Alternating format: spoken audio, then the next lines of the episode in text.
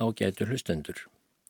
Nú eru 120 ár frá því Haldur Lagsnes fættist og þarf ekki að orðlengja um áhrif hans á íslenskar bókmentir, tungu, menningu og samfélag. Þegar ég var ungur bladamadur var ég svo lánsamur að fá tækifæri tvívegis til að taka viðtal við Haldur og í þessum þætti ætlum við Pálmi Gesson leikari að lesa saman setna viðtalið sem byrtist undir fyrirsögninni Skemtilegt fólk skrifar sig sjálft í tímaritunu Storð árið 1983 fyrir næri 40 árum.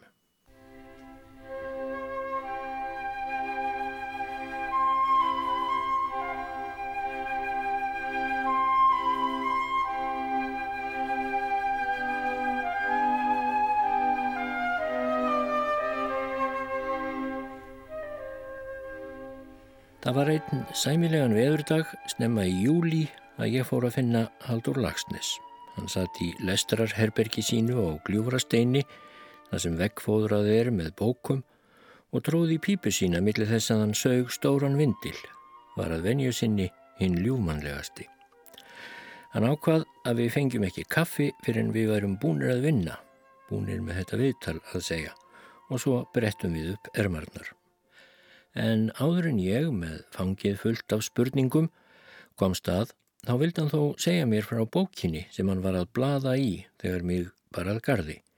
Það var nýjasta verk Einars Pálssonar um íslenska menningarsögu, Arfur Kjelta og lág á ringlaga smáborði innan um kristnihaldið á japansku, tá á spænsku og fleiri ritt. Haldur hefur ekki fremur en einar farið tróðunarslóðir í skrifum um íslenska menningu. En Þeir eru ekki hrifnir af einari upp í háskóla? Nei, þeir hafa vist ekkert á þessari hugsun. Þetta er alveg sérstaklega tegund á kritika á landnámuna og, og, og sögu bókmennirnar. Einar eh, kemur náttúrulega úr allt hann er átt. Hann, hann hefur öðru í sí mentun en þessir menn og og mér þykir margt í afstöðu hans og nýðustöðum afar merkilegt ég fór að lesa þetta saman við gíðingleg vísindum og kabbalisma og aðferðin er er daldið svipuð ég kynntist einum helsta fræðamanni í, í kabbalisma þegar ég var reitt sinn á ferðin í, í uh, Ísrael og við áttum uh, mjög fróðlegar samanræður. Hann gaf mér eina sínum ágættu bókum sem ég uh, lít oft í og, og sem minnir mig mikið á einar þessar aðtóðanir einas ljúka upp fyrir manni vissum ákvæmlega þýðingamiklum grunnlegum hlutum sem ég held að, að Íslendingar séu ekkert og góði til að, að, að kynna sér svo litið náttúrulega hafa þeir enginn fyrirfram skýrið til að botna mikið í þessu. Grunnmentun íslendinga er lúteranismi en, en einar er að sína fram á að, að íslendingarsöðunur og, og jáfnvel ella séu kristin symbolismi í kabbalistísku formi. Það þýðir ekkert að segja íslendingum þetta þeir, þeir veit ekkert um hvað verið er að tala en einar tegur til dæmis njálu fyrir alveg sérstaklega en, en njála er eins og, eins og þú veist með öllu óskílæna bók. Maður hefur látið sér næja að, að hafa unnað af, af söguganginum og stílinum en, en einar tekur upp uh, mjög fyrðulega dæmi um svo kallaða kapitalistíska aðferði í, því hlutverki að búa það andlega efni við skulum ekki fara nánur út í þetta núna en ég les bækur hans alltaf mér til mikillar ánægið þó kannski skort eitthvað á vísindarlega framsetningu Förum þá heldur út í grunnlæga hluti varðandi þinn eigin rítvöndaferil. Þú skrifar í bókinni um túnið heima að mikill bóklestur í innveru hafi orðið til þess að þið langaði til að setja saman bækur sjálfur. Er til nokkurs að velta fyrir sér og dýpri ástæðum þess að einn maður verður reytufundur en hann er ekki? Já, já, það er nú það. Það er nú sennilega ekki verðt að reyna það vegna þess að maður, maður hefur fyrir sér dæmi menna af öllum gerðum og hugmyndafræðum og, og öllum mögulegum tegundum af, af heimsku sem hafa orðið miklir og góðir rítundar. Ég hef ekkert svarað við þessar spurningu. Sjálfur hef ég enga gáfu á við flesta rítundar sem ég hef kynst og uh, það er eitthvað alveg sérstakt sem veldur því að, að ég hef getað skrifað.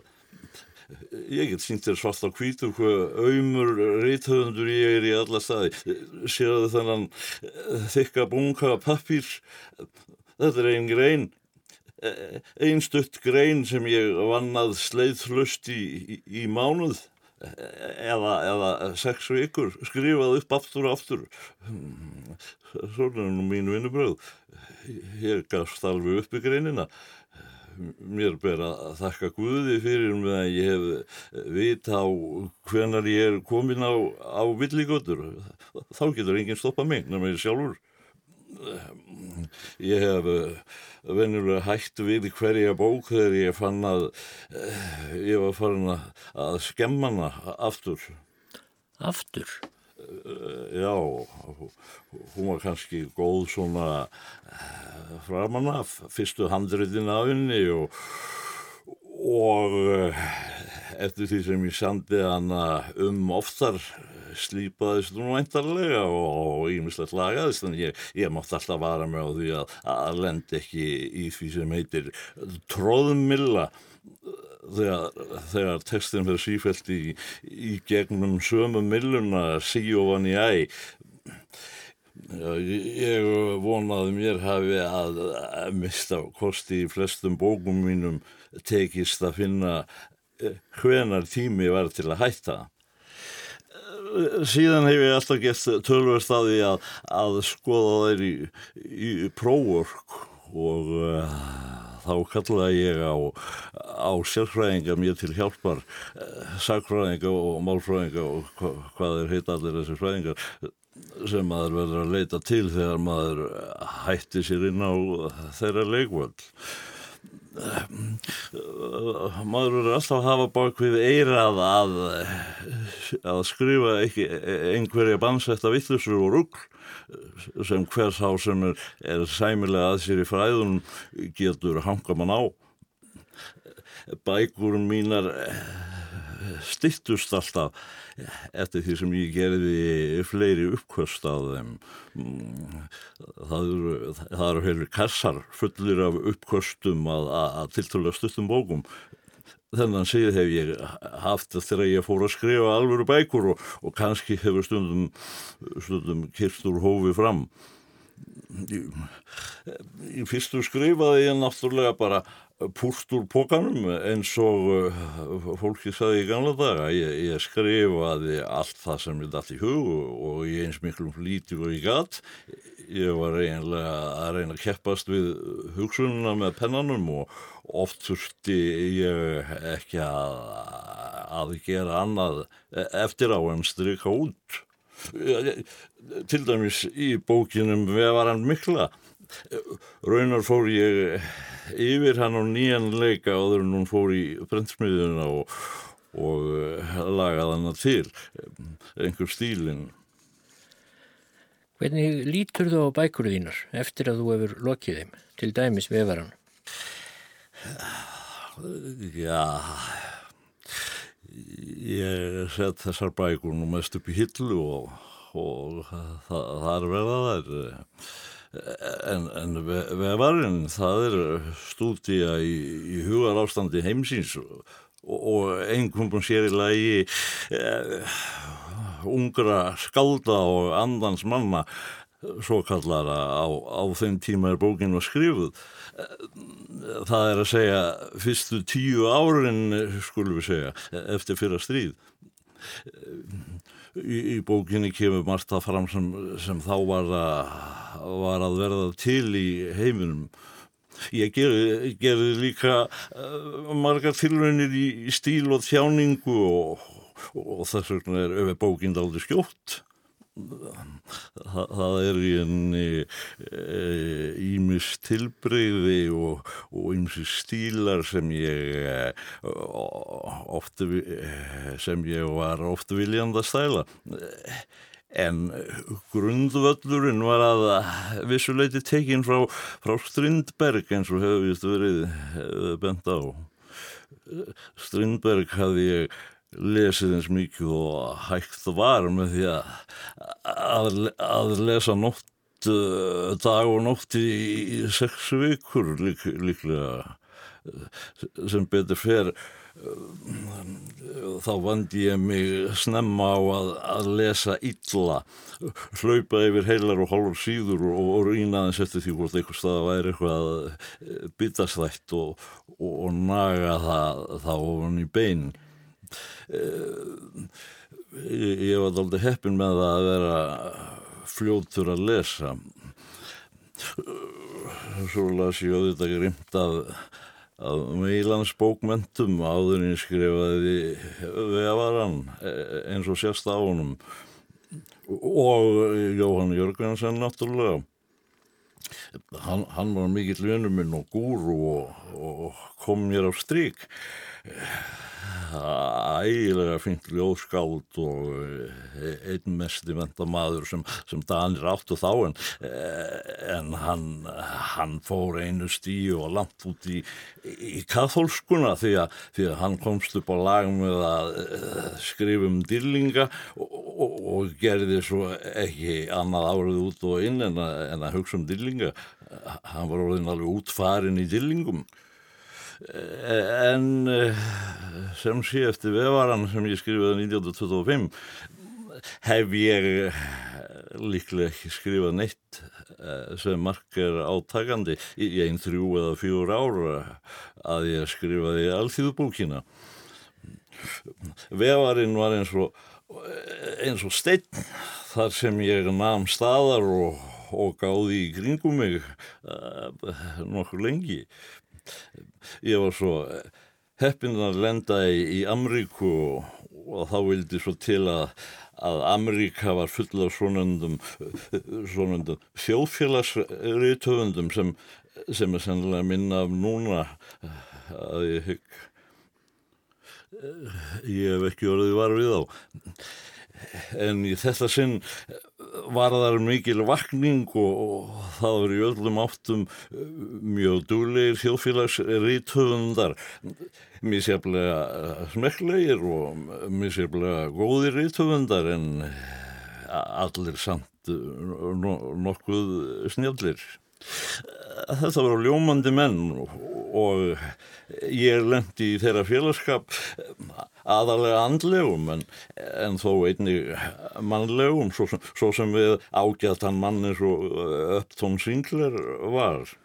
Upp frá þessu tóku mannfélagsmálinn mikið af mínum tíma og minni hugsun en, en sósalismi vissi ég verða hvað var Ég var uh, í þrjú ár í Amriku og þar var ég í tvö ár mestanpart í Los Angeles og San Francisco og fekk þar ákallega uh, mikið af góðum leksjum um þær má uh, meðal annars lesa í, í allþjóðbókinni en stæst Stan hluta hennar skrifaði ég á, á bókasafninu í Los Angeles eh, sem í mínum augum var himnaríki og jörð. Þa, það voru svo góði stólanir þar og, og það var hægt að fá hvaða bók sem var bara hún existeraði í heiminum. Ég hafði aðarlega ofana fyrir mér með því að fara í klúpa alls konar uh, borgararlega skemmti klúpa og tala um Ísland. Þe, þeir sóttust eftir manni og, og borguðu vel 50 dólara eða 100 dólara og, og, og þá var ég ekki til viðtals í, í mánuð á eftir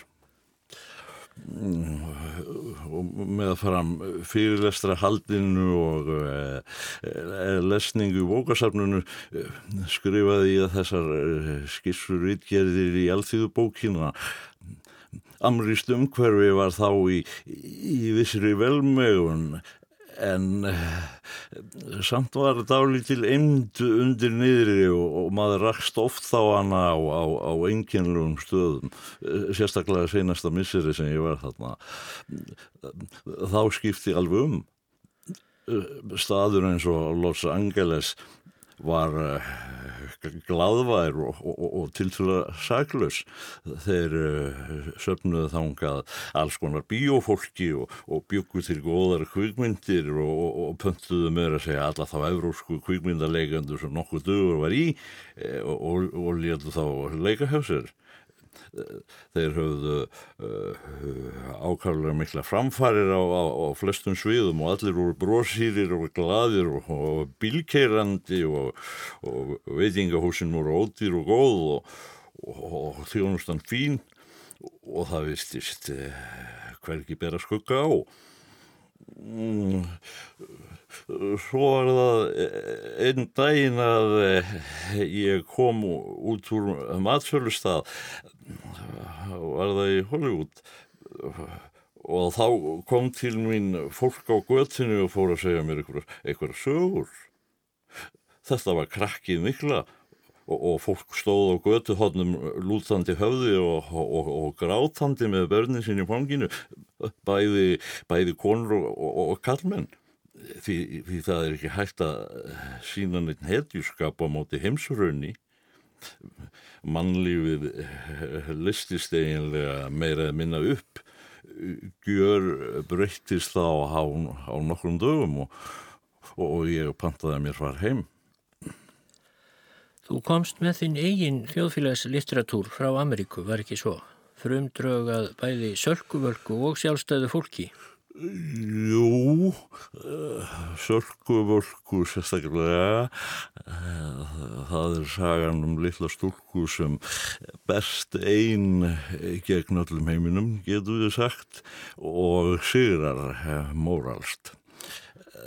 Þessa sögu kom ég með í höfðinu frá Ameríku þar sem ég hafði skrifað kvikmyndahandrið um sömu stelpuna en uh, ég var búinn að vera fást við söguna um, um fátæka bondan allar góður síðan ég, ég, ég las gróður í jarðar eftir Hamsun sem 17 ára strákur í, í Kaupanahöfn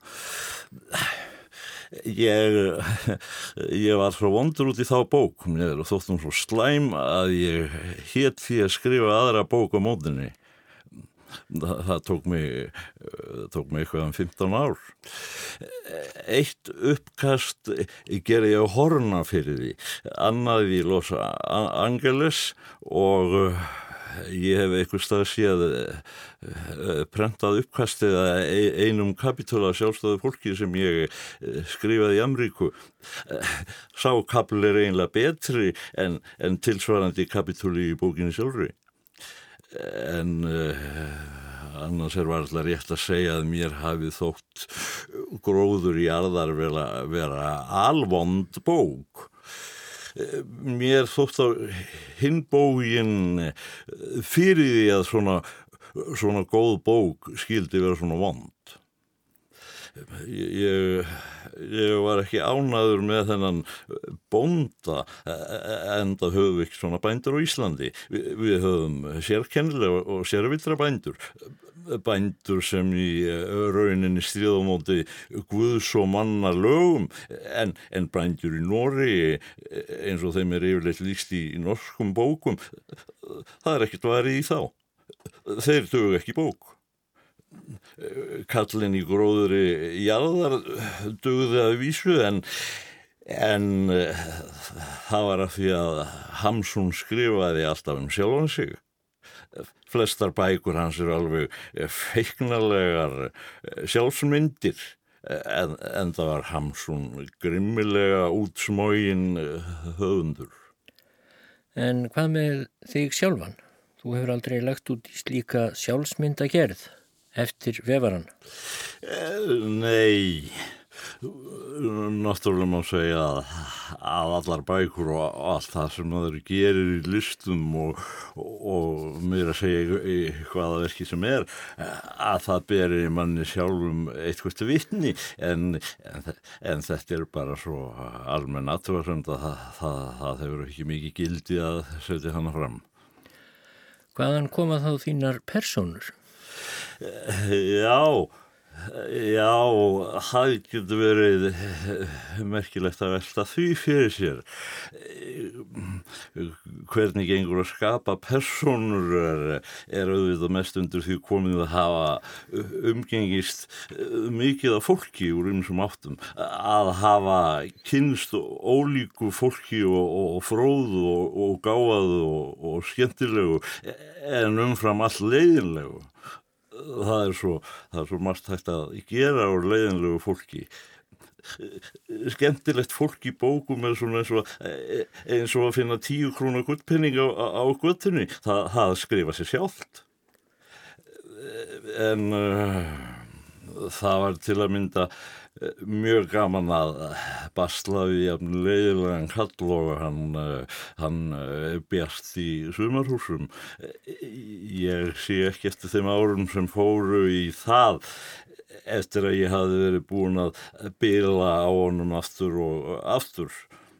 En, en síðan ætlaði ég ekki að, að koma bókinu út Sarka Valka hafði verið gefin út af menningarsjóði og, og eitthvað var í nú látin mýkjan að því að, að, að það þóttir hranarlega eh, til orða komist sumstaðar en uh, svo var tekið vel á, á mótinni. Miklu betur en þeir hjá menningarsjóði byggust við. En þegar Þóruður í Kálvakoti, eða hvað hann nú heitir, Bjartur, var tilbúin neituðu þeir alveg að gefa út svona óþvara. Stjórnmálamenn rauku upp, jáfnveg þó að þekkt ekki bókina og, og settu mentamálar á því stólinn fyrir dyrnar. Það mátti ekki eðalega nafn sjóðsins.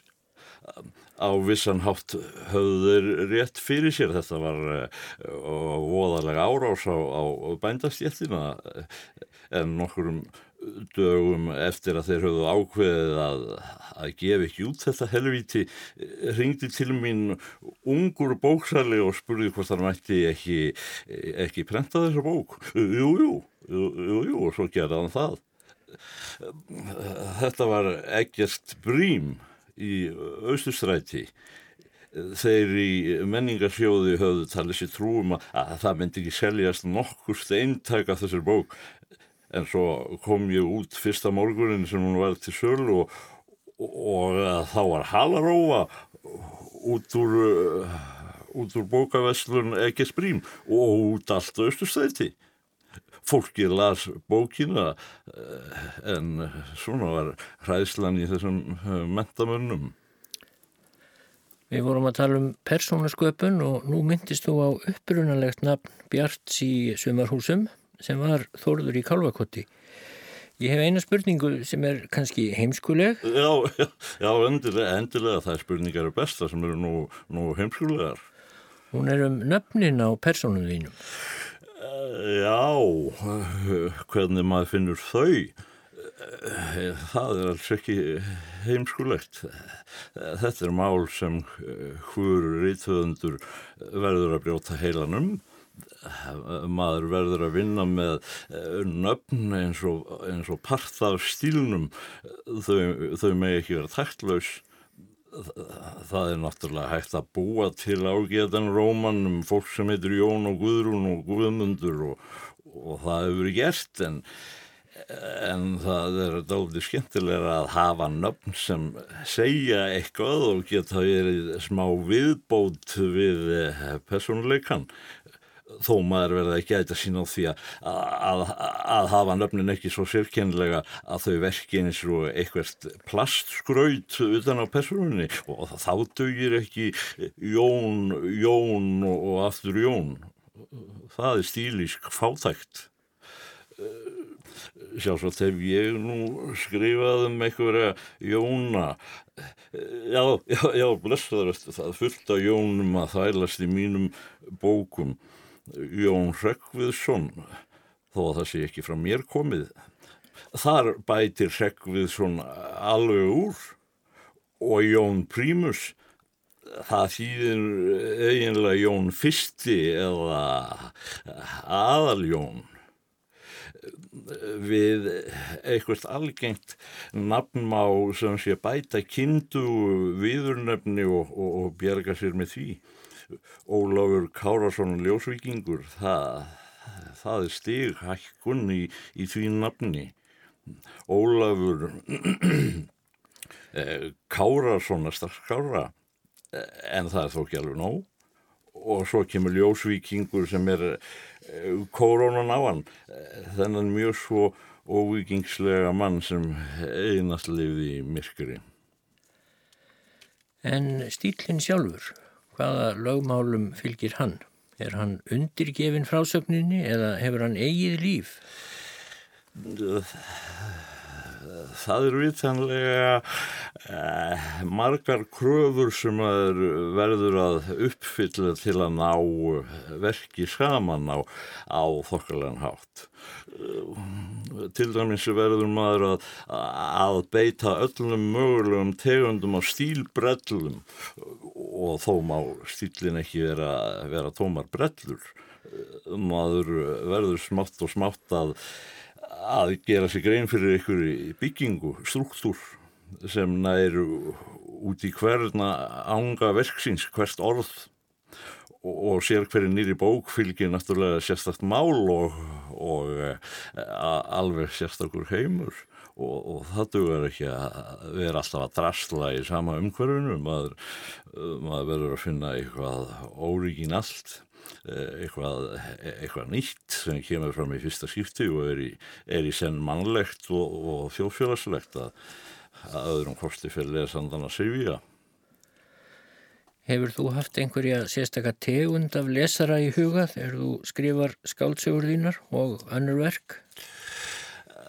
Að vissu leiti, já, kannski ekki neina smá hópa. Ég var náttúrulega með alla íslendinga í huga þegar ég skrifaði bókina um hann, um hann Jón Rekvísson Íslands klukkan var raunar öll mjög akademist unnin Kanski fremur en aðrar bækur þínar? Já, já það, það fór ég nú ekki að segja en en ég stúdiraði plottið að söguöfnið mjög nákvæmlega og lagði það síðan niður fyrir mér lið fyrir lið, háður en ég byrjaði að skrifa ég sá fljótt að það var svona hitt og annað í þessu söguöfni sem gæti orðið mjög spennandi að, að fástu við. Þetta stóra drama Kallsins og Árna Magnússonar Skálholt, Glæbasagan og, og Ástasagan. Persónusköpunin tók afa langan tíma og ég, ég, ég þurfti mikið að stryka út, rífa pappir og hendi korfu og, og byrja aftur og gefast jafnóðum upp. Það er einnig sem er vel að gefast upp og hefur alltaf gert. Þá hætti ég að hugsa um það sem ég var að gera og fór út í eitthvað allt annað en en svo kannski nokkru mánuðin setna þá stóð þetta alveg ljóst fyrir manni það er svo svo einkennlegt hvernig maður vinnur það er ekki hægt að líka þessu við, við neina aðra vinnu. Það skildi enginn ætla sér að verða ríðtöfundur þetta er einhver sjálfspíning og, og eintómleiðindi oftast nær. Meðan ég skrifaði Íslandsklúkuna eh, gæti ég barist vikum saman við einn eða tvo kapitula og, og það sama á við um flestar bækum mínar út í það er farið og náttúrulega eru þeir kapitular sem eru einfaldastir og lesandin tekur varð eftir, þeir eru ennilega bestir og hafa tekið lengstan tíma. Þá er búið að stryka út úr þeim allan þennan andlega vindgang sem er gríðarlega mikill í rítöfundum. Maður skrifar daga og nætur í mikill hrifningu og ekstra sé en svo á næsta stíi þá er að rýfa þetta allt niður aftur. Alvinir í mold og, og á þessu gengur. Ég held að ég hafi verið mest allt setna stríðið með bókinum Íslandsklukkurna. Hún var mitt stríð. Var þá Íslandsklukkan erfiðust þinna bóka? Það fer eftir því hvað átt er við með erfiðleikum. Ég, ég held að ég haf ekki eitt eins löngum tíma í nokkra bók eins og gerplu. Menn hafa sagt mér að, að hún sé nú bara, bara umskrifuð Íslandingasaga og, og hvert barn ætti að geta þetta og, og það, það held ég kannski fyrstur svo var það alltaf erfiðar og erfiðara ég man ekki einu sinni hvað ég var í mörg ára að skrifa hana og, og þó er þetta fremur lítil bók Getur þú sagt mér hvers vegna þú tókst upp á því að umskrifa Íslandingasögu á þennan hátt? Já, mér hefur líklega fundist að þýtt að skrifa eina Íslandingasögu enn. Gerpla er þó kannski eh, einna helst sambland af mörgum Íslandingasögum en ekki fannst fólkin að þetta væri endursköpun á Íslandingasögu ég, ég aldrei fengið eins mikið hatur og, og mannvonsku yfir mig í öllum mínum karriér eins og þegar ég var búin að skrifa gerflu allt landið að, heita má reyðs upp á móti mér. Og flestir fræðimenn sem nokkurstu mannsmót uh, var á forðendu þessa bók. Og þar á, þar á meðal voru ég vel bestu vini mínir menn á bóruðu Einar Óla Sveinsson og, og Sigur Nordal það mætti segja mér að, að hafið þeir nokkuru sinni síða bók í helvíti þá hafið það verið þessi bók áður en uh, Gerpla kom út uh, las ég úr henni fyrir Sigur Nordal í Kaupmannahöfn og, og sá strax voðarlega eftir því. Honum, honum brá mikið að, vísu saðan að bókin ætti að koma út og, og að hann fyrirgefi mér að því að eh, ég hefði skrifað góða bækur áður en, en hann var ekki ánaður með þessa bók svona brast hann nú við og, og þó var hann sækið sinna verleika og, og mentunar páfi íslenskrar tungu.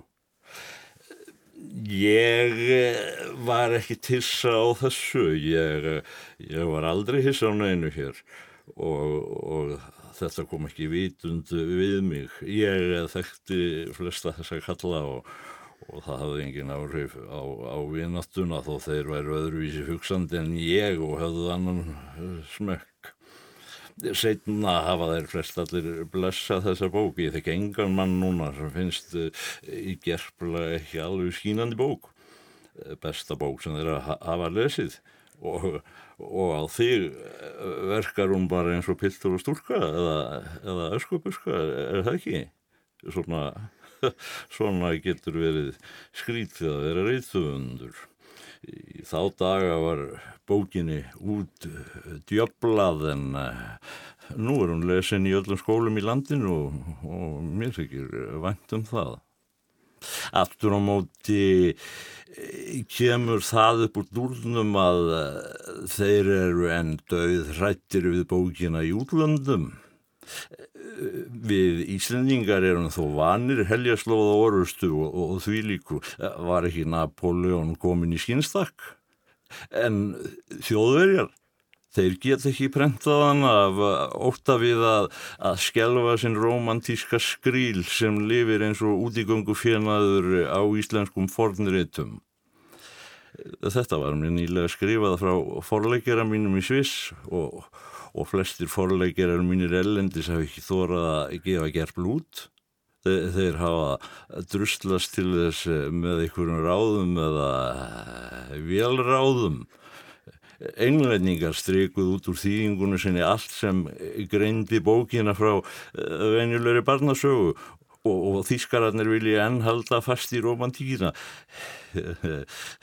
nei nei, gerfla var ekki einn saglus og, og okkur viljðis nú eh, fyrir allan eh, norræna menta heiminu þetta háskalegasta bók sem ég hef skrifað Ætlun hafi verið skrifuð í og með til þess að gera uppsteitt gegn viðteknum hugmyndum um fornöldina? Nei, Nei, hún var nú bara skrifuð samkvæmt minni kristilegu sáinsku. Ég nefni þetta aðeins sem eitt dæmi og mörgum um að, að það var ekki tómt grín að gefa hér út alvarlegar bækur. Maður lá alltaf undir stöðum skítustri, aðalega frá stjórnmálamönnum og, og bændum. En svo fór nú að hægast um, er það ekki? Með bókum eins og Brekkukottsannál og Paradísarheimt. Fólk var farið að vennjast mér. Það var farið að fyrirgefa mér að meiri víðsýni en, en áður en það það var búið að koma frá mér svo margt vond og ljótt að ég gæti einlega ekki slegið sjálf á mig úti í fannst fólki en uh, þó eru þeir til sem skilja ekki þær bækur sem þú nefndir. Það er til fólk sem skilur ekki uh, paradísarheimt þar tók ég nú bara mormónatrúnar svona pars pro toto fyrir kristindómin það er maður sem yfirgefur allt og fer að leita Guði og, og finnur hann og, og fer þá bara heim aftur. Það er nú alltaf svönd Þetta er uh, hinn mannlegi gangur í, í lífinu, gangur uh, sálarinnar. Maðurinn fann ekki Guð fyrir henni í húsinu heima þegar hann fór að reysa það upp aftur. Eða ég gera mér sko styr fyrir því, uh, sagan nær nú ekki lengra. Svo læti ég lesendurna um að dæma hvort þetta hafi verið rétt.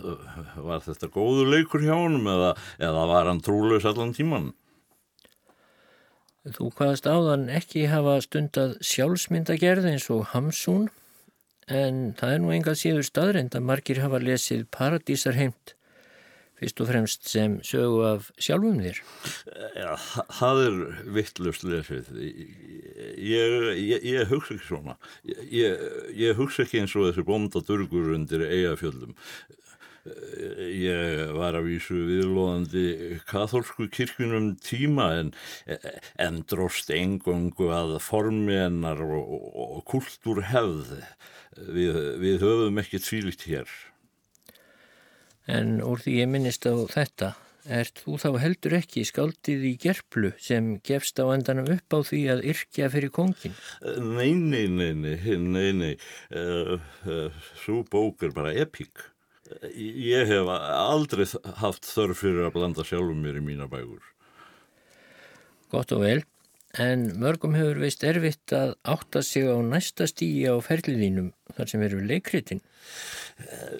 Já, það, það er ekki vona fólk skiljið þau. Ég skrifaði þessi leikrit á absúrdista skeiðinu og, og þau eru absúrd eða réttar að sagt hinn, hinn síðæri þeirra. Silvurtunglið var til að mynda alveg venjulegt leikrit og, og ef ég hefði skrifað meira af soliðis leikritum hefði ég verið leikinn víðar. En þegar influensa gengur yfir alla Európu þá fær maður influensu ég var út í Európu meir og minna öll þessi ár og og sífælt innan um rítöfunda og rítöfundaþingum og, og það er ólega absúlt andrumsloft í heiminum. Engin ró til að skrifa rólegar og komponeraðar bækur. Og, og því fóru margir af þessum rítöfundum að skrifa absúlt og, og þar á meðal var ég. Í tíu, tólf ár gekk ekki búa til neitt nema svona absúrdisma. Þó náttúrulega væri í öllum þessum verkum eitthvað lógík hundalógík sem fólk var að tilenga sér. Ég var ekki var við annað en að fólk hefði bara gaman að þessum leikirindum eins og, eins og til dæmis um mannin sem var alltaf að pressa buksur og, og var svo allt í einu ríkur á því að eignast stort allanshafskip annar kall sem ég bjóð til sagði mín fræð kemur ekki að utan og, hann var alltaf að skera út uh, á sér trefótinn og, og svo endaði leikriti á því að, að klukkan var vittlis í Japan. Það var aðal plottið í leikritinu því. Þú varst að vorðin leiður á skaldsöguforminu. Já, þá var hlægilegt að skrifa skaldsögur eiginlega hefur skaldsagan aldrei uh, náð sér fullkomlega eftir þetta því, því þeir brilleruðu svo í skaldsuginni sumur hverjir eins og, eins og vinnur okkar þarna í, París Beckett að lengra verður ekki komist. Uh, en ég held þó að kristni haldundur jökli sé í rauninni alveg absúrt skaldsaga og, og upp úr henni var búið til enn absúrdara leikrit. Þeir, þeir, gerðu það strákarnir í þinn og alveg ágjörlega og svo lekuðu þetta eins og mestarar Jón Prímus það, það skildi enginn þennan mann. Enginn en einhvern veginn vandist fólk á að koma og sjá henni í, í leikursinu. Nú er þetta absúltista tímanbill liðið. Það, það getur verið að það komi einhvern tíma aftur en, en það, það fengust engir nýjinn rekrúttar. Heldur veruðu bara eftir þessi gömlu absúltistar og, og þeir eru enna delera eins og hann, hann Beckett sem er enþá í þessu sama eins og, eins og maður sem hefur dottið ofin í flór og hefur sér ekki upp úr honum aftur. En uh, hins vegar líst mér ekki á það sem hefur komið í staðin hjá unga fólkinu. Þessi svo kallaða uh, nútíma leiklist eða uh, nútíma sagnalist eða ljóðlist meiri hlutin að þessu er svo fasílt, auðvelt og, og, og, og jáfnvel auðverðilegt. Það skrifa allir eins og þeir, þeir kunni ekki neina reglur og viti ekki að, að það hafa áður verið til rítöndar í heiminum. Ég fæ sendt mikið af ljóðabókum frá elskulugu fólki og, og, allt í lagi með það. Það eru raskaplega vel útgefnar og á góðan glanspappir, þokkalega prentaðar, príðilega bunnar inn, aldrei prentvilla. En uh, því miður heldur margt að þessu fólki að ljóðmæli sé eitthvað það sem önnur línan er stittri en hinn, hægra meginn frá þessu eru, heiðarlegar undantekningar sem betur fer. En í mörgum þeim ljóðabókum sem ég blada í er, er, er algjör fjárvera allra hluta sem gera skálskap að skálskap kannski er það viljandi en, en, en þó er ég hrættur um að, að mest sé það óviljandi. Það er engin vottur af ljóði eða hvað, hvaðskap í þessu Ég fer næri um hvernig hvæði Gess Pálssonar um förukonuna Hókin satt á tröppunum væri skrifa núna. Það myndi verða að skrifa því eins og leiðaragrein í þjóðvílunum. En, en gestur skrifaði það í Tersíu sem er fínast í bragarháttur heimsýns og, og hafður við all bestu ástarljóðin. Nú er það einhvers konar nonskaldskapur sem þykir fínastur. Eh, Kanski verða þeir höfundar klassískir sem ná lengst í, í nonskaldskap. Ég geti sem hægast búið þetta til en þetta er, þetta er svo fasílt að, að fyrir alvarlegan rítvöndur væri það eins og úrsmíður væri settur í að smíða taðkvörn ef menn vilja taka upp þá eh, stefnu að sleppa allir í hefð gera ekki greinamun á prósa og poesíu og, og, og gleima allir þeirri reglu en jáframt öllum þeim möguleikum fyrir varjasjón sem við höfum haft hér í skálskap í þúsund ár og þá þeir um það. Þú hefur sjálfur ekki stundað að mikið að yrkja ljóð síðan þú hættir að yrkja í skálsögurnar. Nei, ég gerði það álítið í, í gamla daga, ég, þá, þá tók ég upp stíl sem var í áttina við ljóð en eh, mér þótt hann ákvæmlega erfiður og, og hann heimtaði mikla yfirlegu en eh, ég orsti alltaf ljóð í í bækurnar. Mér finnst það kvikka upp á texta að koma þegar minnst varir með, með eitthvað ljóð.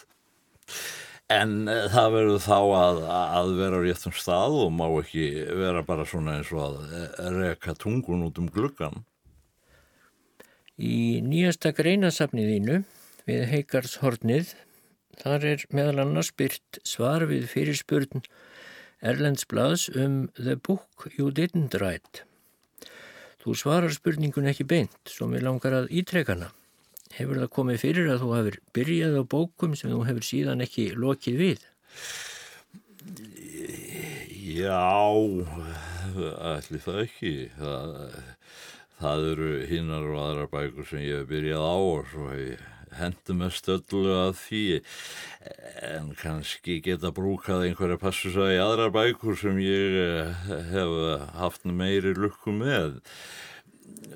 Það getur komið fyrir alla að taka skakkan pól í hæðina en uh, það er einhver uh, innri lógík í, í öllum önnum þó þeir haldi áfram af otti og eggju og, og beiti allir sinni energiu ég skal hafa þá koma þeirra einhverjum vegg í sjálfum sér hingað og, og ekki lengra. Þú ert að villast. Þetta kemur íðurlega fyrir mig og, og þá hef ég hætt. Ég hef bara ekki getað meira. Ég, ég hef ekki einu sinni loftað pennanum En þú vilt ekki nefna mér dæmi um slíkar bækur? Nei, það er að vallar við reymlanir í öldin.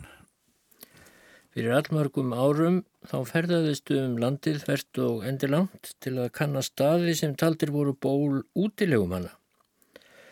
Um þetta skrifaðir þú svo langa grein í einreiðina en varstu þá jafnframt að við að þér efni í skáldsögu um útilegumenn sem síðan var aldrei skrifuð?